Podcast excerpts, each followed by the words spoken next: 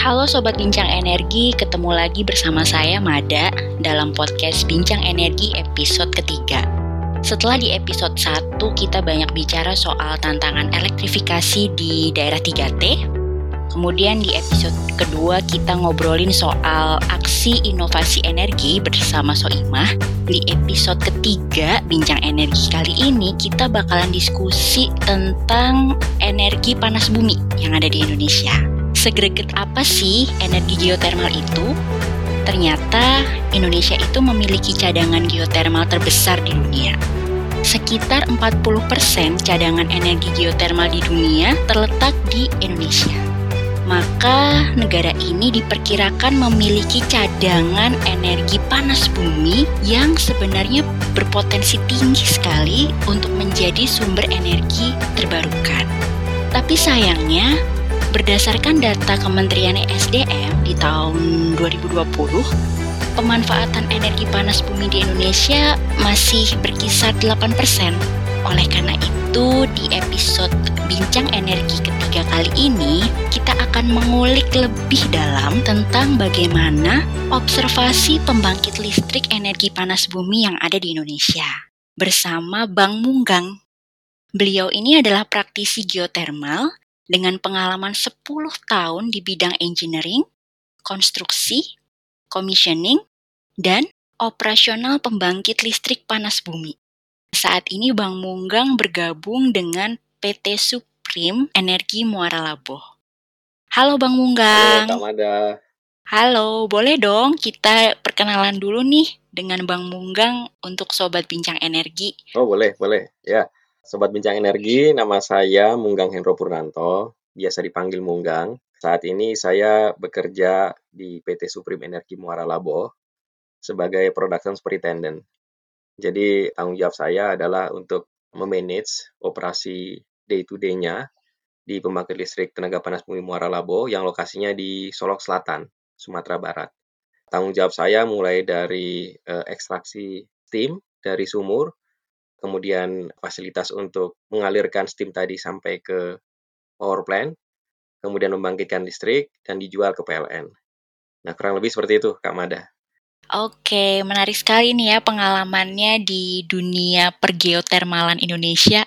Oke, sebelum membahas lebih dalam nih Bang Munggang, boleh ya Sobat Bincang Energi dijelaskan dulu terkait dengan sebenarnya energi panas bumi itu apa sih dan bagaimana sebenarnya proses uh, eksplorasi industri pembangkit listrik panas bumi itu butuhnya apa saja sampai kemudian bisa menjadi energi. Iya, iya. Jadi sebenarnya energi panas bumi itu kita menambang panas yang ada di dalam perut bumi. Jadi kita tahu kan bahwa lapisan bumi itu ada bermacam-macam, kemudian yang paling bawah inti dari bumi kita itu adalah magma kan. Nah, ada area-area tertentu di mana uh, sumber panas itu sedikit mendekati ke permukaan. Dan ini biasanya diindikasikan dengan uh, adanya seperti sumber air panas, kemudian adanya daerah-daerah yang menghasilkan uap dari atas tanah, kita sebutnya sebagai surface feature. Nah, pemanfaatan panas bumi itu kita berusaha untuk mengambil energi panas yang ada di dalam perut bumi. Energi ini itu dialirkan melalui liquid yang ada di dalam perut bumi. Jadi liquid itu kita ekstrak karena dia mengambil panas dari perut bumi, kemudian kita bawa ke atas permukaan. Kemudian atas permukaan itu energinya kita ambil dengan cara mengkonversi panas tersebut menjadi energi energi mekanik kemudian menjadi energi listrik. Nah, jadi nanti energi listrik inilah yang akhirnya kita uh, jual ke PLN, kemudian dialirkan ke konsumen yang ada di di masyarakat lah. Kurang lebih seperti itu, Kak Mada. Oke, menarik sekali ya Sobat Bincang Energi. Jadi ternyata untuk mendapatkan energi dari panas bumi ini prosesnya cukup panjang ya Bang Munggang ya. Nah, boleh nggak sih Bang Munggang cerita lebih detail lagi nih tentang pengalamannya Bang Munggang selama bekerja di site eksplorasi panas bumi yang ada di Indonesia? Iya. Jadi sebelumnya itu saya pertama kali bergabung atau mengenal panas bumi itu ketika pindah ke PLTP Wayang Windu milik Star Energy. Jadi lokasinya di Pangalengan di Bandung bagian selatan. Jadi saya awalnya masuk sebagai electrical engineer, kemudian saya di hire untuk terlibat di pengembangan unit 3. Karena waktu itu Wayang Windu sudah punya unit 1 dan unit 2. Nah, ketika masuk ke dalam, saya baru melihat, oh ternyata ini yang namanya uh, energi panas bumi. Dan saya merasa bahwa selain sebagai electrical engineer, yang sebenarnya tidak berkaitan langsung dengan panas bumi, saya harus mengenal panas bumi itu seperti apa. Akhirnya saya mencari peluang untuk sekolah ke New Zealand. New Zealand itu pada saat itu adalah uh, kiblatnya panas bumi di Indonesia. Mungkin sampai sekarang ya. Di sana ada program untuk sekolah S2 postgraduate sebenarnya di bidang geothermal, kemudian bisa dilanjutkan menjadi Master of Energy. Nah, saya ambil program itu kurang lebih satu tahun setelah bekerja di Wayang Windu selama dua tahun. Kemudian kembali lagi ke Star Energy dan melanjutkan tugas saya sebagai seorang electrical engineer. Tapi sekembalinya saya dari uh, New Zealand itu dari atasan semakin apa, memberikan tanggung jawab yang lebih, bukan hanya di bidang engineering, tapi juga bekerja mengikuti proyek-proyek yang ada di sana, seperti ada proyek tie-in dari sumur baru, kemudian uh, project untuk perawatan di power plant, kemudian project improvement di power plant. Nah, saya stay di Wayang Windu itu kurang lebih 8 tahun. Setelah itu saya pindah ke Supreme Energy.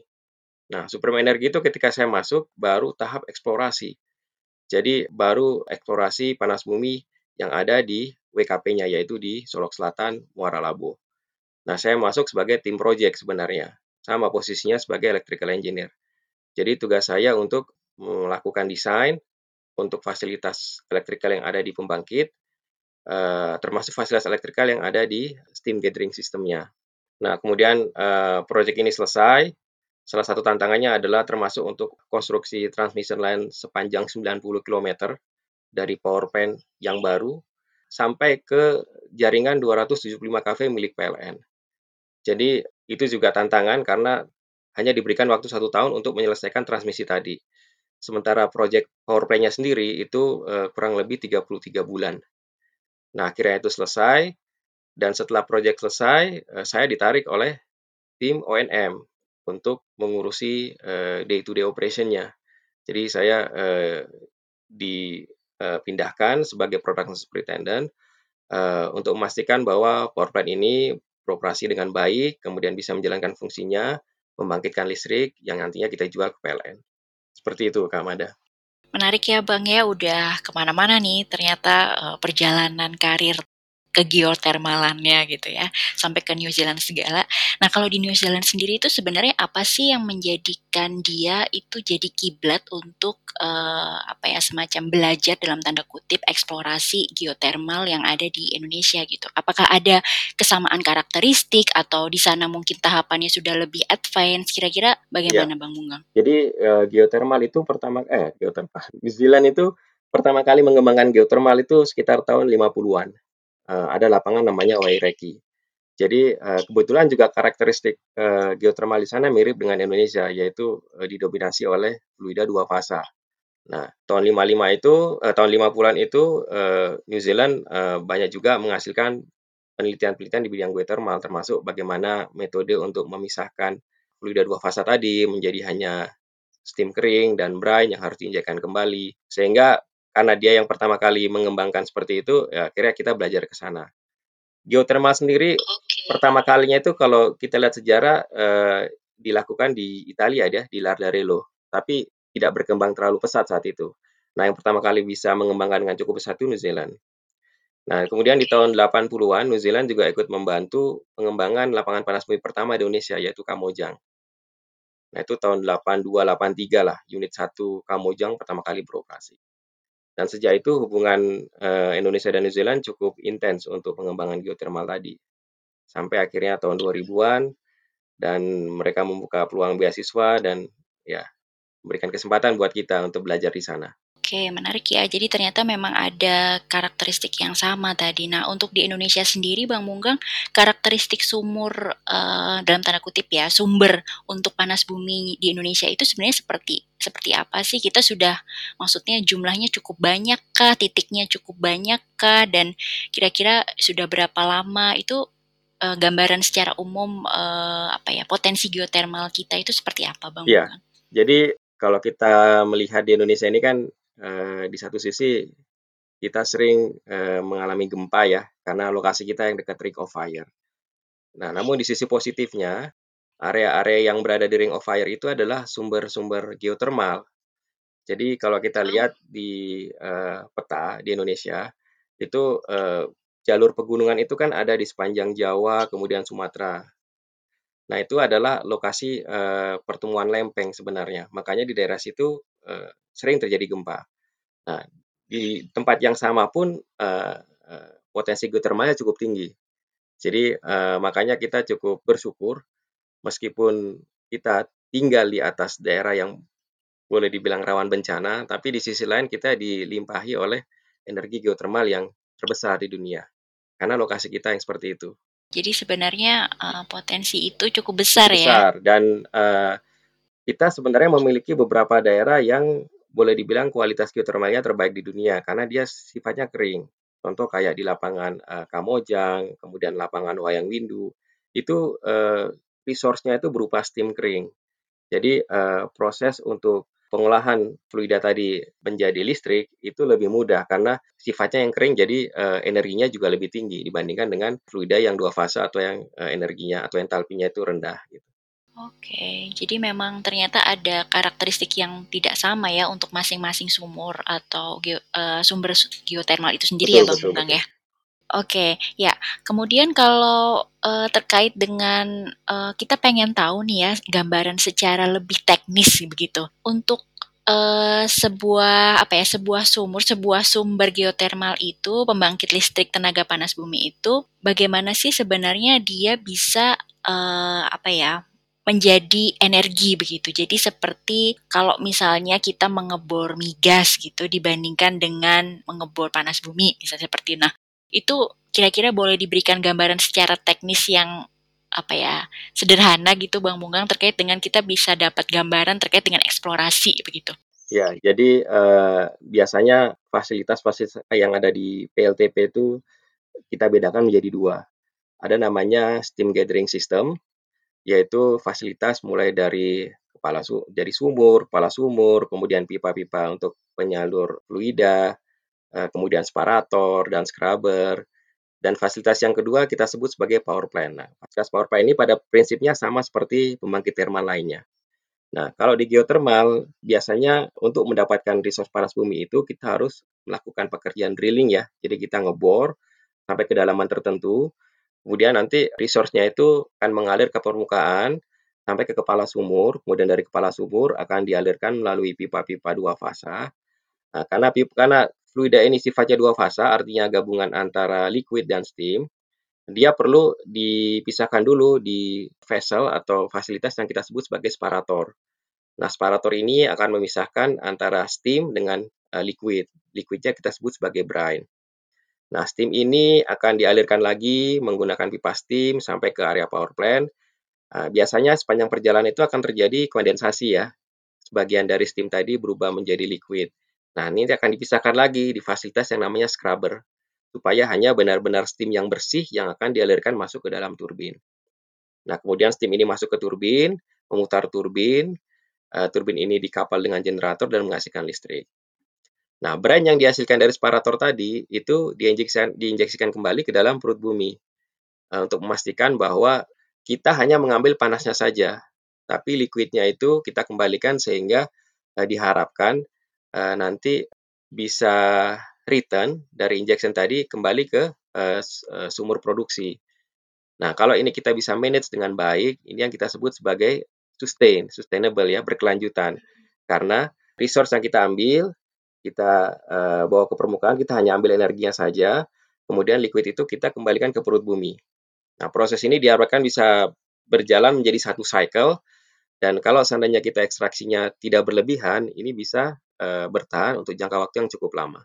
Oke, menarik ya. Jadi selama ini itu kita membayangkan energi panas bumi itu seperti apa begitu ya. Ternyata kita mengekstrak panasnya yeah. gitu kan untuk uh, mendapatkan energi yang sebenarnya uh, residunya kita kembalikan lagi ke alam begitu ya Bang Unggang ya. Oke. Nah, tapi untuk mengeksplorasi tadi tahapannya cukup kompleks ya uh, sampai satu siklus begitu. Nah, untuk eksplorasi panas bumi itu sendiri resikonya bagaimana Bang Munggang? Karena kan setiap tahapannya sepertinya cukup rigid ya itu untuk uh, dari satu tahap ke tahap yang lain. Nah, apalagi kita punya kondisi geologis yang cukup khas nih Indonesia. Nah, terkait dengan resiko itu bagaimana Bang Munggang untuk eksplorasinya? Jadi sebenarnya kalau pemanfaatan panas bumi itu uh, biasanya dibagi menjadi beberapa tahap ya. Yang pertama itu bisa disebut sebagai survei pendahuluan. Uh, survei pendahuluan ini biasanya uh, dilakukan studi dari geologi, kemudian geofisika, kemudian dari geokimia, kita sebut sebagai PG ya.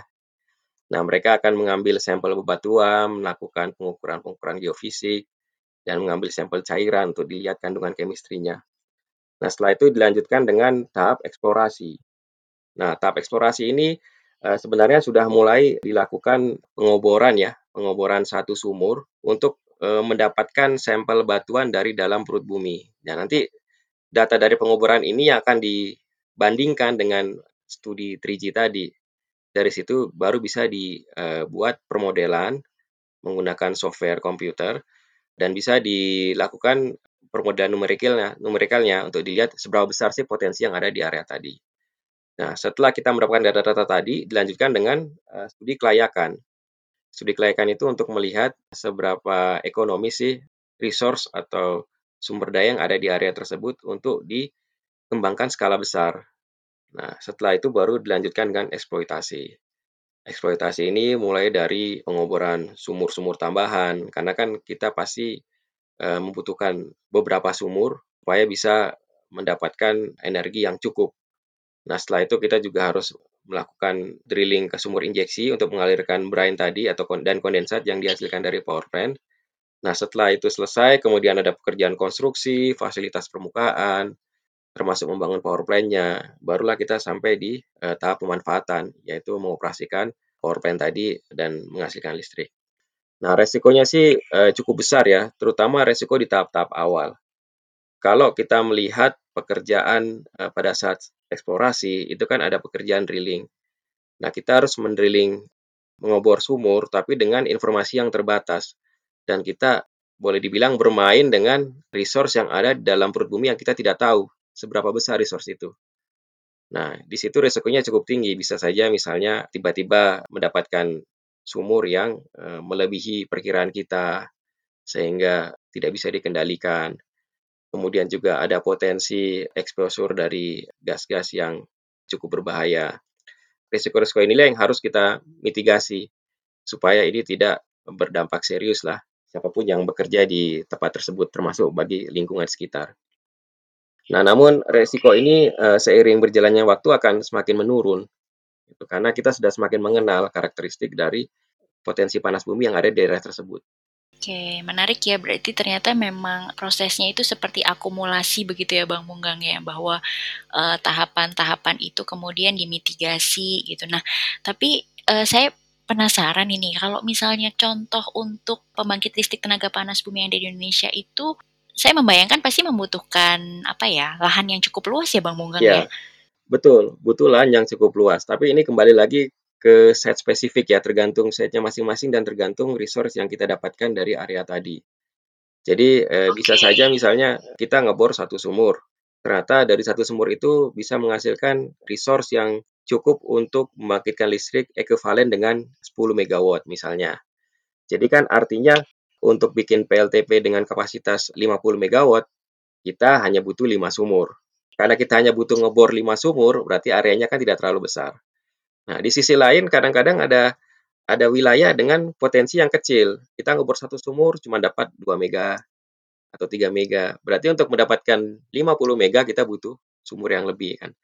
Artinya ada semakin banyak area yang harus kita buka uh, untuk membuat well pad, kemudian untuk melakukan drilling supaya resource-nya bisa kita penuhi untuk membangkitkan tadi. Nah, jadi ini kembali lagi ke tergantung setnya masing-masing. Jadi bisa saja ada beberapa wilayah yang butuh area yang luas, ada wilayah yang butuh area yang tidak terlalu luas gitu.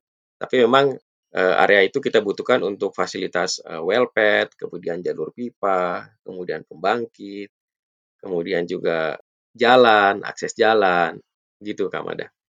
Oke, menarik nih. Tadi sempat disindir terkait dengan dampak lingkungan ya, dan saya tadi menggarisbawahi untuk unsur safety. Ini kayak sepertinya sesuatu yang memang krusial nih untuk apa ya pembangkit listrik tenaga panas bumi. Boleh diceritakan lebih detail nggak Bang Munggang terkait tadi untuk dampak lingkungan dan terutama untuk unsur safety ya, dan uh, boleh diceritakan juga uh, pengalaman terkait dengan bagaimana sih uh, memitigasi uh, hal-hal tersebut supaya lebih ya lebih tadi sustainable gitu. Iya. Jadi karena kita bermain dengan alam ya, jadi memang ada beberapa hal yang kita tidak tahu secara detail. Jadi memang kita harus berhati-hati di industri panas bumi ini, terutama kalau kita melakukan pekerjaan seperti flowing steam pertama kali atau well testing. Nah, terkait dengan gas, memang salah satu gas berbahaya yang muncul dari panas bumi itu adalah uh, gas H2S. Nah, kalau kita mengacu ke standar, biasanya itu kalau gas dengan tingkat ppm yaitu sebesar 0,1 0,13 lah itu itu kita masih bisa mencium berupa bau uh, telur busuk ya. Nah, namun kalau seandainya konsentrasinya semakin tinggi, itu akan sampai di satu titik di mana indera kita di hidung kita itu sudah tidak mampu lagi untuk mencium gas tadi. Jadi kita akan mati rasa, kemudian bisa kolaps. Itu biasanya kalau konsentrasinya cukup tinggi bisa sampai 500 ppm. Nah, e, cara mitigasinya ketika sumur sudah selesai dibor, ketika kita mau e, melakukan pengetesan pertama kali, itu fasilitasnya itu harus dibangun sesuai dengan standar yang ada ya. Jadi kita kita juga sudah punya namanya standar nasional Indonesia SNI untuk melakukan uji alir. Jadi kita harus mengikuti standar tersebut. Kemudian orang-orang yang melakukan kegiatan tadi juga harus tersertifikasi. Jadi mereka sudah tahu potensi-potensi bahaya yang muncul dari aktivitas tersebut. Biasanya gas H2S ini kan akan mudah tersebar tergantung arah angin. Kemudian sifatnya yang berat juga dia cenderung mencari tempat yang elevasinya lebih rendah. Nah, ini sebelum dilakukan pekerjaan pengetesan yang yang berpotensi untuk mengeluarkan gas H2S ini uh, dari tim safety itu sudah harus uh, melakukan pemetaan exclusion zone, exclusion zone lah kita sebutnya exclusion zone ya.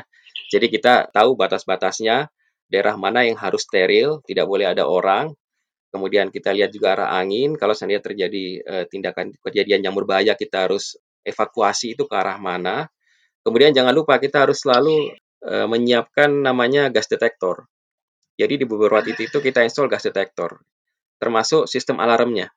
Jadi ketika dia sudah mencapai limit tertentu, eh, alarm tersebut akan berbunyi dan akan menyala sehingga tim tahu dan harus segera menyelamatkan diri.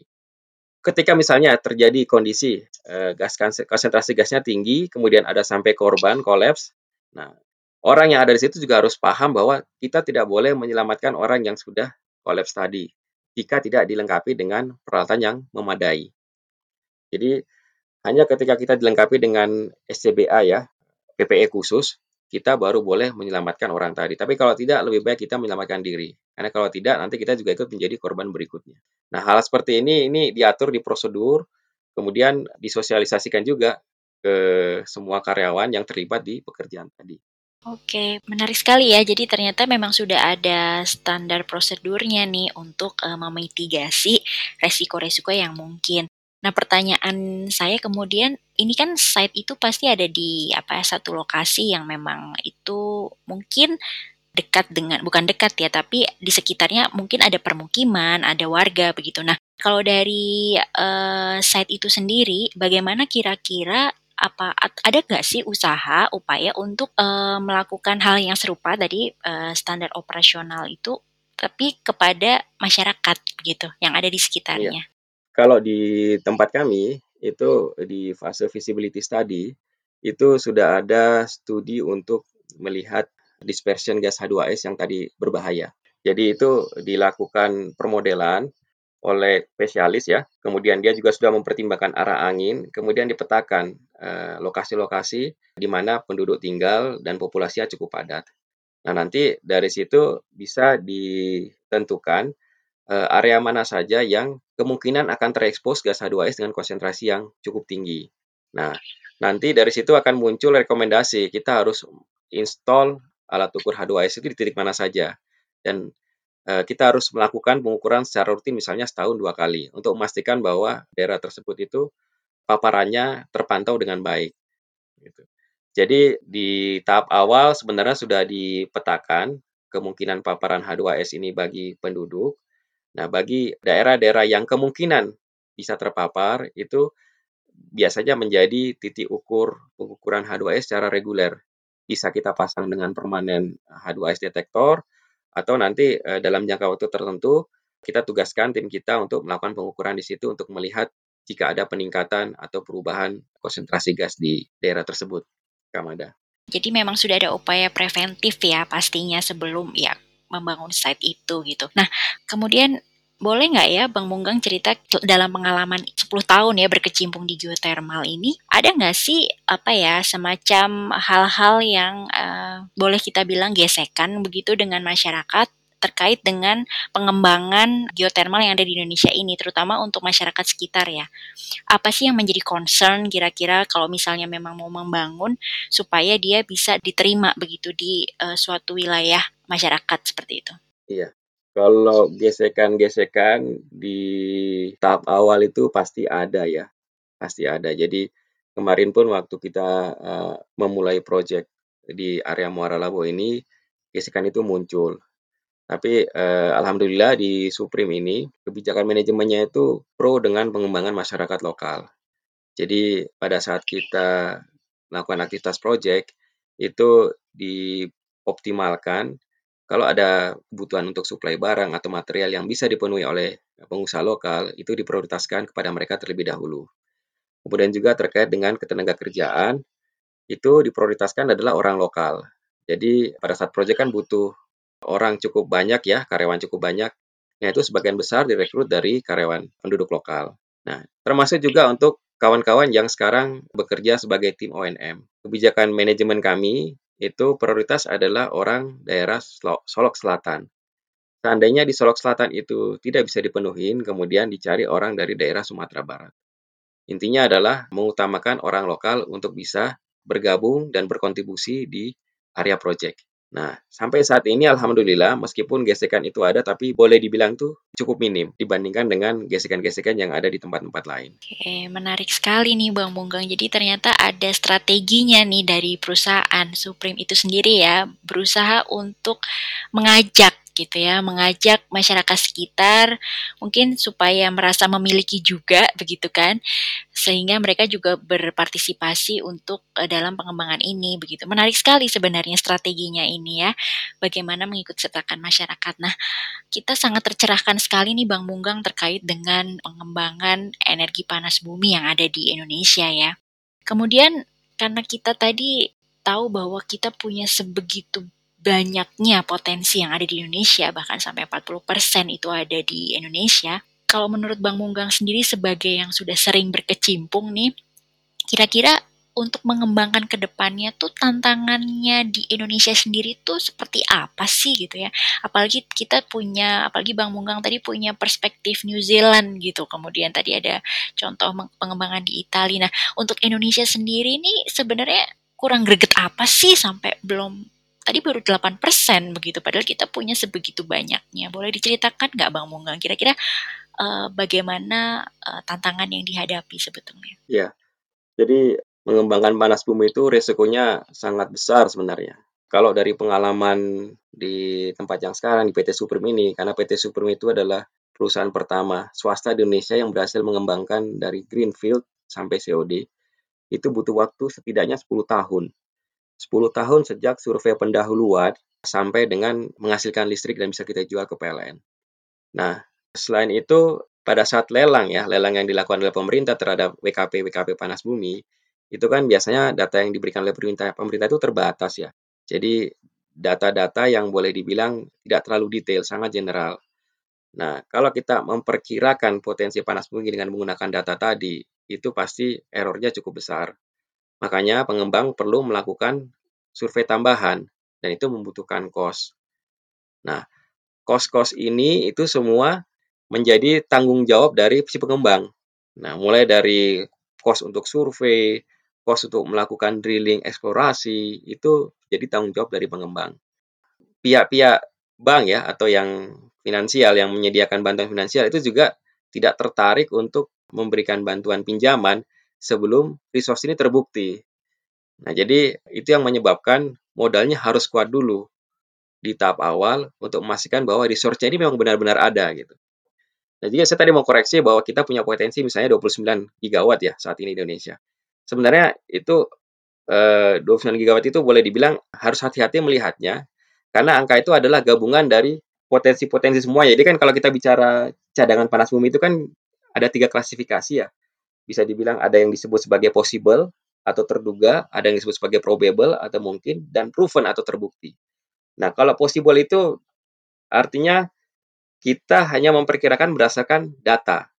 Nah, kalau probable itu kita sudah mem memperkirakan berdasarkan data yang uh, hasil drilling satu sumur. Nah, sementara proven itu kalau sudah terbukti dengan data beberapa sumur yang di drill. Nah, cost untuk ngebor satu sumur itu kan mahal ya, antara 7 sampai 10 juta. Dan setidaknya di tahap awal supaya uh, mendapatkan data yang proven tadi, minimal tiga sumur yang harus dibor. Itu pun kalau semuanya dapat. Nah, bayangkan berapa besar cost yang harus diambil oleh pengembang di tahap awal, termasuk resiko-resikonya. Makanya akibatnya ini menjadi tambahan di capital cost yang keluar perusahaan dan berakibat ke mahalnya harga jual listrik yang dihasilkan oleh PLTP. Nah, kalau seandainya uh, eh, PLTP ini tetap harus bersaing dengan pembangkit termal lainnya tanpa ada kemudahan-kemudahan dari pemerintah, ini pasti akan susah bagi para pengembang untuk bisa uh, menginvestasikan dananya ke pengembangan panas bumi. Jadi intinya ke risk Kamada. Karena sebagian besar risk itu diambil oleh pengembang dan itu akan dikonversi menjadi uh, harga jual listrik yang dijual oleh pengembang tadi gitu. Oke, iya high cost ya berarti ini termasuk apa tantangannya gitu. High cost dan juga long return ya sepertinya tadi kita butuh waktu lama untuk bisa mendapatkan uh, eksplorasinya begitu hasil eksplorasinya. Nah, mau tanya juga nih Bang Munggang terkait dengan ketahanan suplai panas bumi dari satu uh, site gitu ya. Itu biasanya diperkirakan sampai berapa tahun ya Bang Munggang? Ketahanan suplai panas buminya. Ya itu. Jadi ini sebenarnya kembali ke tergantung dari reservoir manajemennya ya. Karena panas bumi itu hanya berkelanjutan kalau dikelola dengan baik. Artinya kita harus tahu seberapa banyak resource yang bisa kita ekstrak dari dalam perut bumi. Tidak boleh over eksploitasi juga. Karena kalau over eksploitasi itu pasti sumurnya bisa cepat mati. Tapi contoh aja, contoh kayak di Wairaki ya. Wairaki dari tahun 50-an sampai sekarang itu steamnya masih bisa dihasilkan dari perut bumi. Ya, kemudian untuk di Indonesia contohnya di Kamojang. Kamojang itu dari tahun 82, 80-an lah sampai sekarang itu juga masih menghasilkan panas bumi. Jadi artinya ini kembali lagi ke kita. Kita nggak boleh ngambil terlalu banyak juga. Karena kalau kita ngambil terlalu banyak nanti akan habis. Jadi harus dikelola dengan baik. Iya, habis juga betul. Nah, kemudian ada nggak sih kemungkinan waktu produksi gitu ya, ada downtime gitu? Jadi misalnya uh, saat memproduksi uh, listrik dari panas bumi itu ada semacam downtime, uh, lebih karena apakah karena sumbernya atau bagaimana itu kira-kira Bang Munggang? Ya, jadi kita itu uh, harus selalu memiliki spare sumber produksi, Ramada. Jadi misalnya tadi kita membangkitkan 50 megawatt, kemudian berarti kita harus punya jangan punya 5 sumur yang 10 mega, tapi kita harus punya spare. Jadi paling enggak ada satu sumur cadangan. Jadi uh, sumur itu seiring waktu akan decline. Decline-nya ini bisa saja karena memang resource-nya sudah semakin berkurang atau karena wellbore-nya sudah ada di posisi silika ya yang menyebabkan ukurannya mengecil sehingga steam yang keluar pun semakin kecil. Nah, jadi eh, harapannya kalau kita punya spare sumur produksi, kita tidak perlu ada downtime ketika ada penurunan performa dari sumur tadi. Jadi kita bisa selalu menggunakan spare sumur tadi. Dan uh, seiring berjalannya waktu, kita juga harus mempersiapkan untuk uh, ngebor sumur yang kita sebut sebagai make up well. Jadi setiap berapa tahun itu kita harus kebor sumur baru. Karena untuk mengkompensasi decline rate dari sumur-sumur yang sudah ada. Kalau seandainya kita terlambat untuk mengebor sumur make up well tadi, sumur baru tadi, ya bisa saja nanti kita harus di-rating karena uh, suplai steam kita berkurang dibandingkan uh, kapasitas pembangkit kita. Dan ini terjadi memang di beberapa lapangan karena sumurnya uh, steam resource-nya tidak cukup, gitu. terpaksa harus di-rating. Oke, ya. Kemudian kalau terkait dengan tadi ya, uh, kita perlu ada makeup well, kemudian harus di apa ya? Uh, tadi ada resource manajemennya, jadi ngambilnya tuh seberapa besar. Nah, untuk day to day operationnya selain itu, selain dengan stok itu ya, ada permasalahan lain nggak Bang Munggang kira-kira untuk yang terjadi saat day to day operation? Ya, day to day operation itu yang menarik karena kita bicara dengan eh, kita berinteraksi dengan alam ya dan alam itu susah ditebak. Jadi geothermal itu hidup. Boleh dibilang dia uh, sumber daya alam yang hidup. Contoh di lapangan kami. Asumsi kondisi resource pada saat desain itu sudah berbeda dengan pada saat kita pertama kali beroperasi COD di tahun 2019 akhir kemarin. Dan kondisi resource itu hari ini pun sudah berbeda lagi.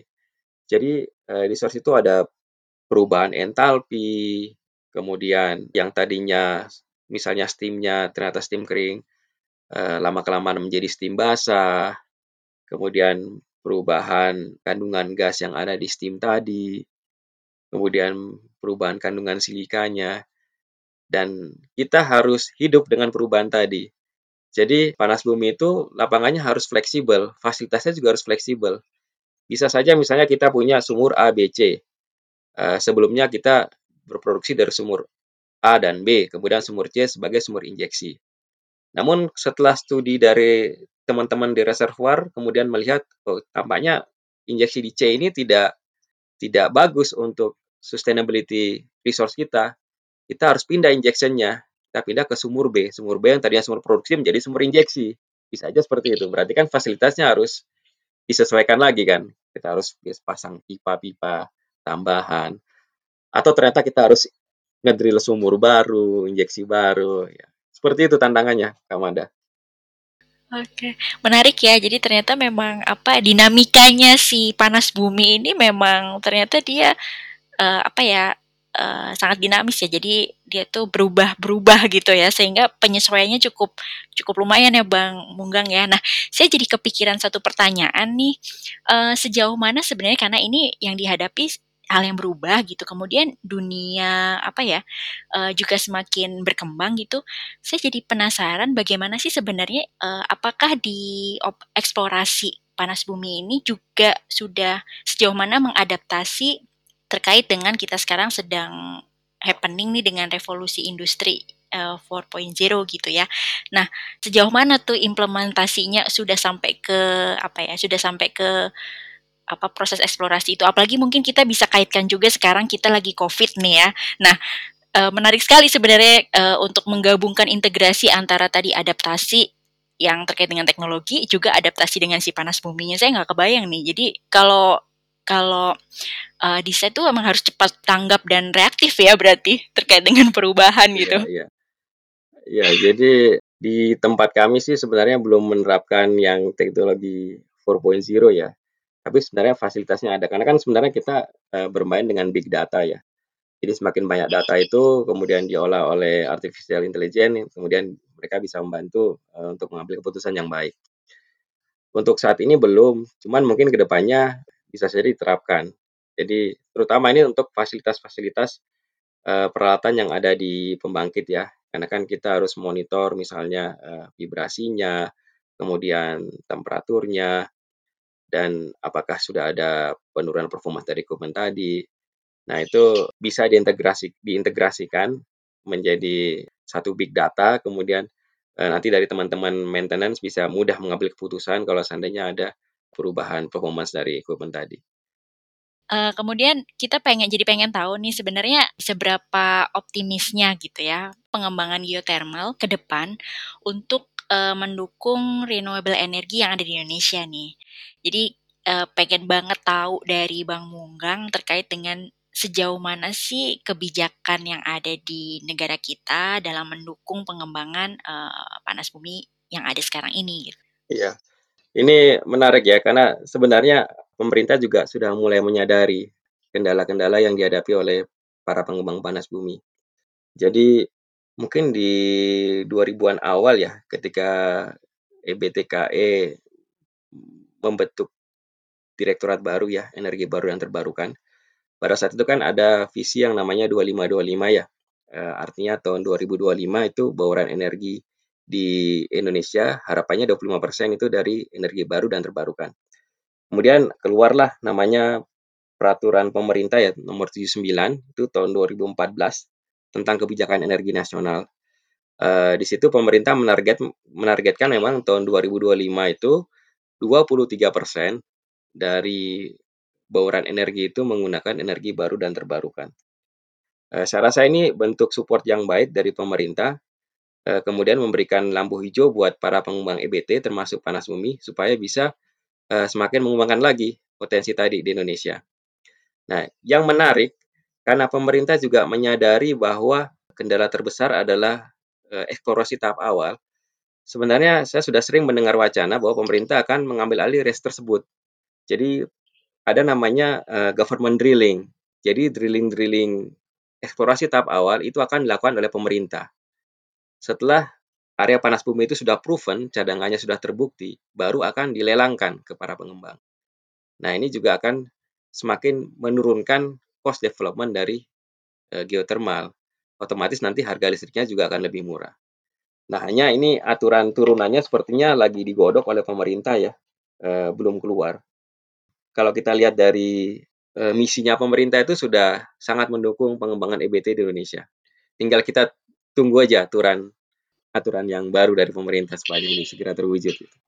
Iya, kalau kebijakan terkait dengan apa ya harga untuk energi terbarukan itu sendiri gimana sih Bang Munggang sebenarnya? Kalau saat ini jadi modelnya sebelumnya ya model lelang panas bumi itu adalah pemerintah punya satu WKP nih. Kemudian mereka punya data dengan data yang sangat kasar tadi ya dilelang lah ke para pengembang. Nah pengembang itu disuruh ngebit kira-kira bisa bikin PLTP berapa megawatt dengan harga jual listrik berapa sen per kWh. Nah, yang harga listrik yang paling rendah lah itu yang dipilih. Biasanya ini karena datanya itu e, belum lengkap, jadi kan pasti banyak gamblingnya ya, nebak. Nah, yang menang pun dengan harga terendah itu setelah mereka terpilih, kemudian mereka mengumpulkan data lebih itu baru menyadari, oh ternyata ini harganya terlalu rendah itu. Akhirnya proyek itu mandek gitu. Nah, ini yang menjadi tantangan sebenarnya Eh, makanya kenapa harga geothermal itu tidak bisa murah kalau dibandingkan dengan harga-harga eh, pembangkit termal lainnya. Ya itu tadi karena eh, data awalnya tidak tidak tidak lengkap ya. Oke, ya menarik ya. Jadi ternyata uh, cukup banyak ya tantangannya untuk mengembangkan energi panas bumi ini. Padahal tadi kita lihat bahwa kalau untuk apa ya lapangan kerja nih terkait dengan energi panas bumi ini gambarannya atau prospeknya ke depan itu gimana ya Bang Munggang ya? Saya rasa masih terbuka lebar ya karena memang masih banyak proyek-proyek panas bumi yang sekarang ini sedang berjalan atau yang akan berjalan. Kita butuh banyak tenaga-tenaga baik yang nanti bekerja sebagai operator pembangkit atau yang bekerja sebagai uh, supporting company ya uh, mulai dari geoscience, kemudian engineering, itu kita butuhkan semua. Jadi saya rasa peluangnya masih terbuka lebar, Kamada. Uh, bahkan saya saat ini sedang membutuhkan supervisor production ini untuk mengisi tim saya. Oh, langsung open recruitment? Iya. Siapa tahu ada yang berminat untuk bergabung. Jadi kita itu karena pemainnya sedikit, jadi memang pasarnya itu tidak terlalu besar. Jadi yang terjadi saat ini adalah karena suplainya juga belum terlalu banyak, itu ngambil dari yang sudah ada. Ya, tapi kan ini untuk jangka panjang kan nggak bagus ya. Jadi kita sendiri sangat berharap banyak anak-anak muda yang tertarik untuk bergabung uh, ikut membangun geothermal di Indonesia gitu.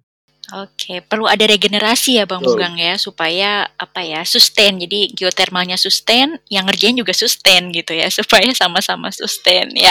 Oke, menarik sekali nih Bang Munggang. Nah, last word nih, uh, last word dari Bang Munggang. Uh, sebagai praktisi yang sudah berkecimpung puluhan tahun, nah kira-kira harapan Bang Munggang untuk pengembangan energi panas bumi yang ada di Indonesia ini seperti apa?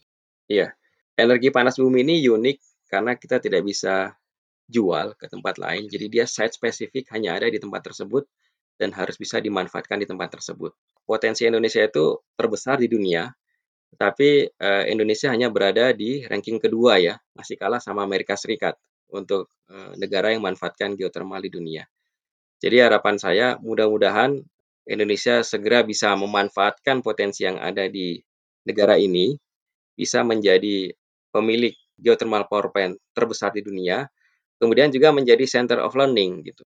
Kalau kita lihat New Zealand itu hanya peringkat kelima sebenarnya. Kemudian selain New Zealand yang menjadi kiblat geothermal di dunia itu adalah Iceland. Iceland itu peringkat ke-9. Kenapa kita harus belajar geothermal ke New Zealand ataupun ke Iceland gitu. Ke depan harusnya dunialah yang harus belajar geothermal ke Indonesia terima kasih Bang Mungga. Menarik sekali bahasan kita kali ini ya. Jadi ternyata memang geotermal adalah sesuatu yang sangat unik. Jadi sumber energi yang sangat unik gitu. Oke, sobat bincang energi, menarik sekali ya bahasan kita kali ini mengenai pengembangan energi panas bumi yang ada di Indonesia. Sebagai sumber energi yang ramah terhadap lingkungan, harapan kita semua Indonesia dapat uh, mempercepat pemanfaatan energi panas bumi ini sehingga selain menjadi penggerak kegiatan ekonomi juga dapat memperkuat peran Indonesia di kancah internasional terkait dengan pengembangan uh, energi terbarukan yang ada di dunia. Terima kasih kepada Bang Munggang untuk kesediaannya berbagi dengan kita semua dan terima kasih juga kepada seluruh pendengar Bincang Energi kali ini. Sampai bertemu di episode Bincang Energi selanjutnya. Sampai jumpa dan stay safe semuanya.